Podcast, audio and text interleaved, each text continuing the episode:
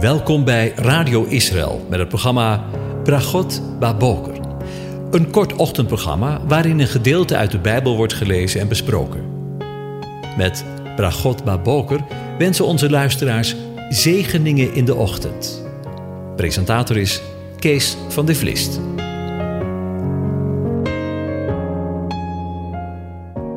Goedemorgen, beste luisteraars. Vanmorgen maken we een begin met Psalm 27. Ik lees hem in zijn geheel aan je voor. Een psalm van David.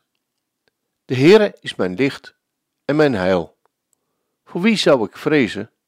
De Heere is mijn levenskracht. Voor wie zou ik angst hebben?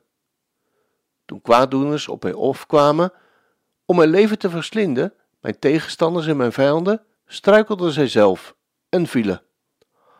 Al belegerde mij een leger, mijn hart zou niet vrezen. Al brak er een oorlog tegen mij uit, toch vertrouw ik hierop. Eén ding heb ik van de Heere verlangd, dat zal ik zoeken, dat ik wonen mag in het huis van de Heere, al de dagen van mijn leven, om de lieflijkheid van de Heere te aanschouwen en te onderzoeken in zijn tempel. Want hij doet mij schuilen in zijn hut op de dag van het onheil. Hij verbergt mij in het verborgene van zijn tent. Hij plaatst mijn hoofd, mij hoog op een rots. Nu heft mijn hoofd zich omhoog, boven al mijn vijanden die mij omringen.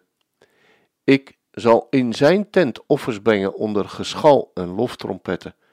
Ik zal zingen, ja, ik zal psalmen zingen voor de Heere. Hoor, Heere, mijn stem als ik roep. Wees mij genadig en antwoord mij. Mijn hart zegt tegen u wat u zelf zegt: Zoek mijn aangezicht. Ik zoek uw aangezicht, Heere. Verberg uw aangezicht niet voor mij. Wijs uw dienaar niet af in toorn. U bent mijn hulp geweest. Laat mij niet in de steek en verlaat mij niet, o God van mijn heil. Want mijn vader en mijn moeder hebben mij verlaten, maar de Heere zal mij aannemen. Heere, Leer mij uw weg. Leid mij op een geëffend pad, omwille van mijn belagers. Geef mij niet over aan de begeerten van mijn tegenstanders, want valse getuigen zijn tegen mij opgestaan, en de mensen briezen van geweld. Als ik toch niet had geloofd dat ik de goedheid van de Heere zou zien in het landen van de levenden, ik was vergaan. Wacht op de Heere, wees sterk, en hij zal uw hart sterk maken. Ja, wacht op de Heere. Over de terugkeer gesproken. In de afgelopen periode hebben we met elkaar stilgestaan bij een aantal Messiaanse psalmen, zoals we dat noemen. Op de Joodse en Bijbelse kalender bevinden we ons echter nu in de aanloop naar de Joodse, of beter gezegd Bijbelse feest- en gedenkdagen. Om die reden wil ik de komende tijd met je nadenken over deze feest- en gedenkdagen die we op onze, tussen haakjes, christelijke kalender niet terugvinden. Ik zet even de dagen die gaan komen op een rij. Als eerste is dat Rosh Hashanah. Die vindt plaats van 19 en 20 september. Op de eerste en de tweede Tisri, zoals de Joodse kalender aangeeft. Dit is, de Joodse, dit is het Joodse of Bijbelse nieuwjaar. Hiermee begint de periode van tien dagen van berouw tot en met Yom Kippur. Yom Kippur vindt plaats op dit jaar op 28 september 2020, op de tiende Tisri, de grote verzoendag. Op deze dag wordt gevast, niet gewassen, geen lederen schoenen gedragen enzovoort. Dan vindt op 3 en 4 oktober 2020 Sukkot plaats. Herdenking van de 40-jarige zwerftocht van het Joodse volk door de woestijn naar de uittocht van Egypte. Het Joodse volk kreeg de plicht om tijdelijke woningen te bouwen en deze zeven dagen te bewonen, zoals we lezen in Leviticus 23, vers 33. En het slotfeest vindt plaats op 10 oktober 2020, de 21ste Tisri, en Simchat Torah vindt plaats op 11 oktober. Voorafgaand aan Yom Kippur of de Grote Verzoendag is er in het Jodendom sprake van de tien ontzagwekkende dagen, vanaf de avond van 18 september tot en met de avond van 28 september. Deze periode start met het Bijbelse bezuinenfeest en eindigt op Grote Verzoendag. Gedurende deze dagen wordt in het Jodendom Psalm 27 zowel in de ochtend als in de avond gelezen. En wij willen in deze periode ook nadenken over deze psalm, maar eerst wat achtergrondinformatie. De tien dagen tussen het Joodse nieuwjaar, Rosh Hashanah, en het grote verzoendag, Yom Kippur, worden wel de tien ontzagwekkende dagen genoemd. In deze periode bevinden we ons nu. Het zijn tien dagen van inkeer, verootmoediging en schuldbeleidenis. Niet alleen voor Israël, maar ook voor ons is dit noodzakelijk. Verootmoediging voor de aanwezigen, in het diepe verlangen dat Hij ons genadig zal zijn, verzoening en herstel zal schenken voor ons persoonlijk, ons land en ons volk. Lijden we geestelijk aan onze onderlinge verdeeldheid? Beseffen we hoe groot onze onheiligheid is in het hoog van Gods heilige ogen? Voelen we onszelf misschien beter dan andere christenen? Zijn we vergeten Israël lief te hebben? Ik denk aan het gebed van Daniel in Daniel 9. Daniel bevond zich in een belabberde situatie. Het volk was in ballingschap, net zoals nu. En wat deed hij? Hij verootmoedigde zich voor de aanwezige, zijn God. Hij wees niet met de vinger naar de zondaren, naar de mensen die Gods wetten hadden overtreden en zo Gods oordeel over het volk hadden uitgeroepen. En je kunt je afvragen in welke tijd wij leven. Hoe is het met ons land en ons volk gesteld? In de dagen dat tientallen abortussen per dag worden uitgevoerd en sommigen de kwaliteit van leven onvoldoende achten en euthanasie plegen. Actief de dood zoeken. In de dagen dat 300 mensen per dag de kerk gedag zeggen. Daniel had in de schriften ontdekt dat de 70 jaren van ballingschap bijna voorbij waren. Hij ging toen geen feest of dankdienst organiseren, maar deed schuldbeleidenis. We lezen in hoofdstuk 9, vers 5 en 6: We hebben gezondigd door af te wijken van uw geboden en bepalingen. We hebben niet geluisterd naar uw dienaren, de profeten. Verootmoediging en schuldbeleidenis zijn niet alleen voor Israël, maar ook voor ons noodzakelijk. We lezen in Daniel 9: Ik richtte mijn aangezicht tot de Heere om hem te zoeken in gebed, met smeekbeden, met vasten, in en in zak en as.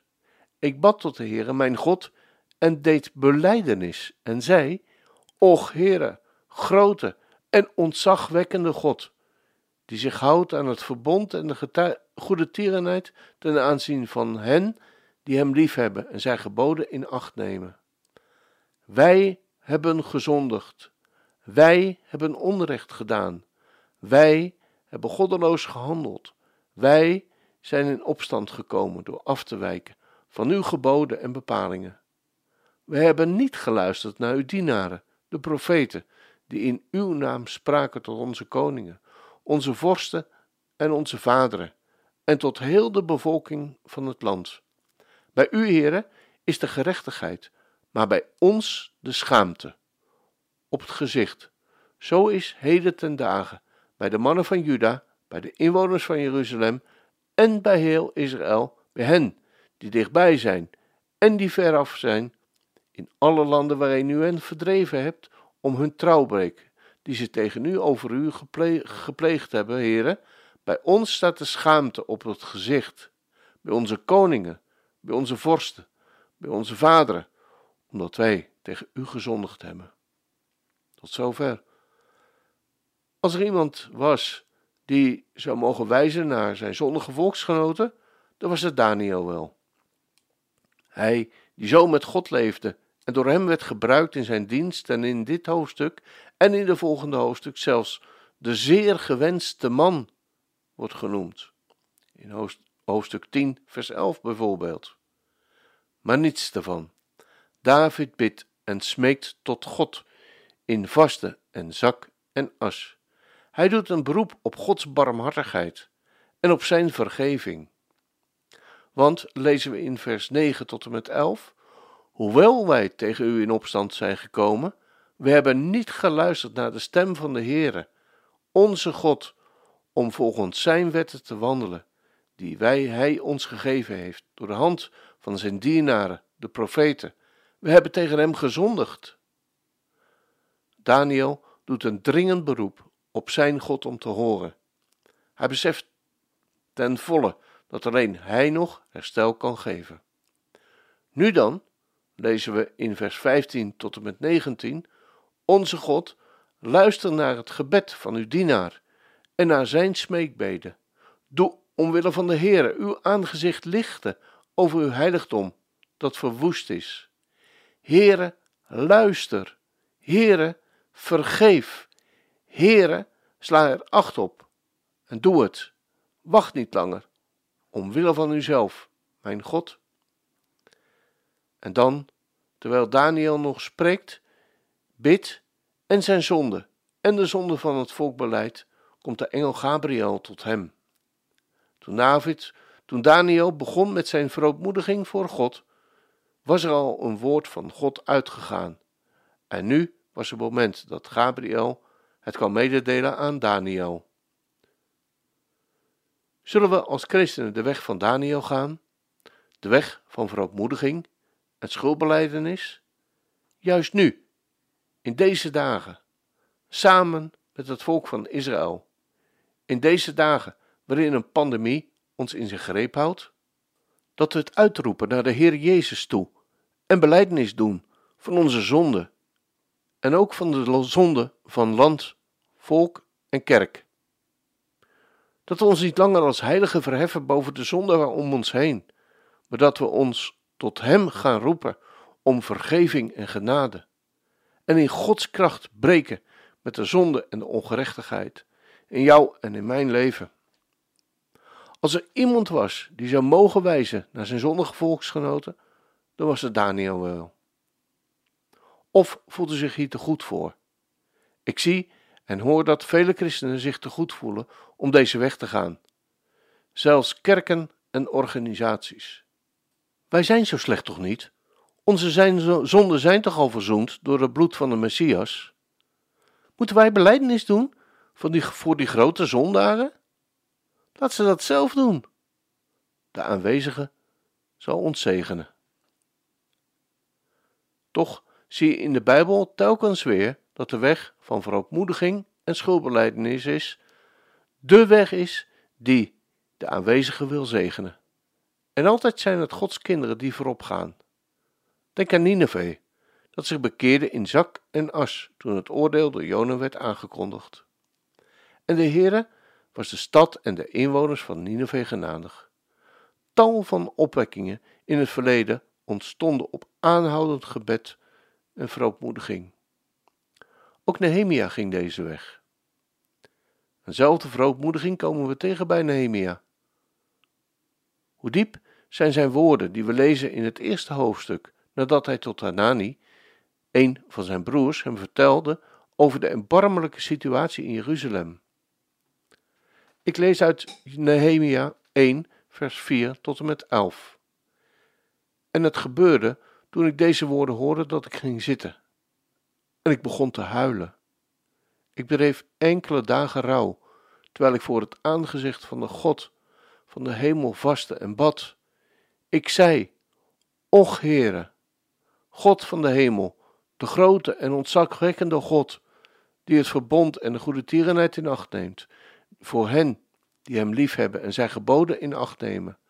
Laat uw oor toch opmerkzaam zijn en uw ogen open om te luisteren naar het gebed van uw dienaar, dat ik heden dag en nacht voor uw aangezicht bid voor de Israëlieten, uw dienaren. Ik beleid de zonde van de Israëlieten die we tegen u begaan hebben. En ik en mijn familie, we hebben gezondigd. We hebben het grondig bij u verdorven.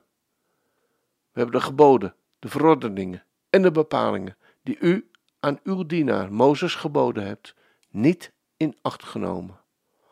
Och, Heere, laat uw oor toch opmerkzaam zijn op het gebed van uw dienaar en op het gebed van uw dienaren, die er vreugde in vinden uw naam te vrezen. Tot zover. Mij raakt het elke keer weer dat ook Nehemia beleidt dat hij en zijn familie gezondigd hebben, net als Daniel. De Heer hoort, verhoort, vergeeft en geeft herstel en genezing. Laten ook wij deze weg gaan. Dan zal de Heer ook horen, verhoren, vergeven, herstellen en genezen. We gaan luisteren naar een Hebreeuwse versie van Psalm 27. Adonai Uri. Na het lied wil ik je nog wat informatie geven over een initiatief dat deze dagen wereldwijd, maar ook in ons land zal plaatsvinden, namelijk de Return of de terugkeer. We gaan luisteren naar het lied.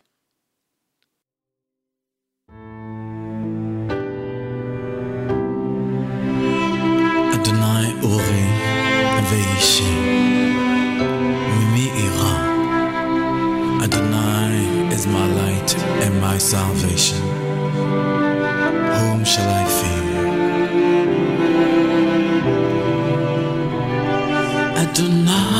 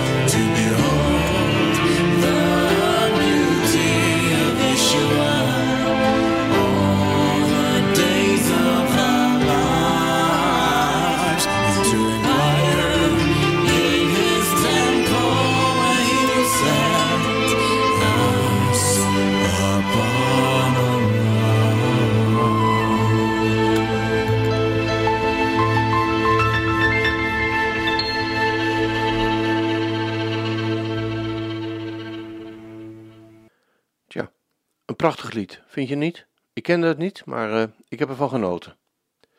Dan nu wat informatie. 2020 is een roerig jaar geworden.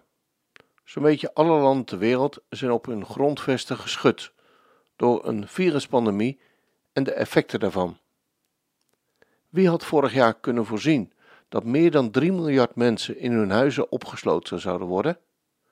Oude profetieën zijn letterlijk vervuld toen, na de droogte en de bosbranden in Australië, enorme zwermen sprinkhanen in het Midden-Oosten en Afrika nu de pest rondgaat in de vorm van coronavirus?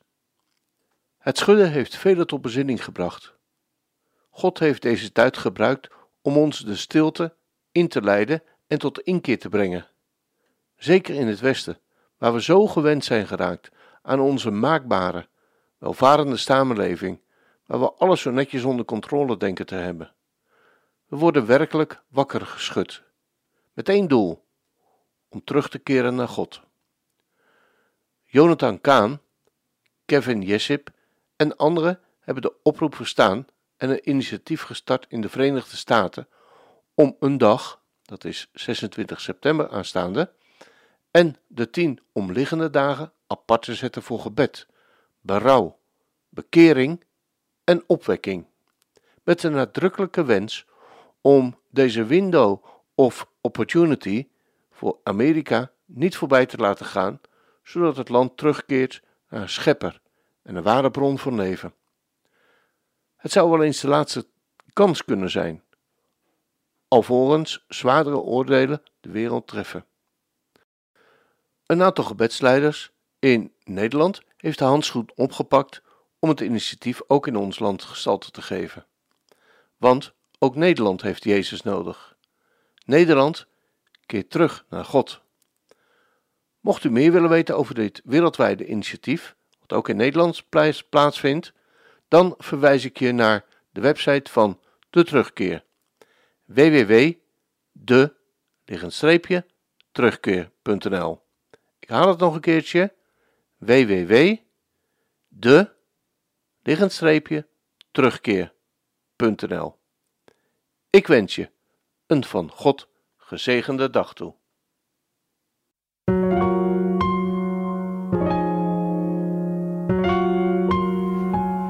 U hebt geluisterd naar het programma Bragot Baboker. Een kort ochtendprogramma waarin een gedeelte uit de Bijbel wordt gelezen en besproken. Wilt u het programma nog eens naluisteren, dan kan dat. Ga naar radioisrael.nl en klik onder het kopje radio op Uitzending gemist.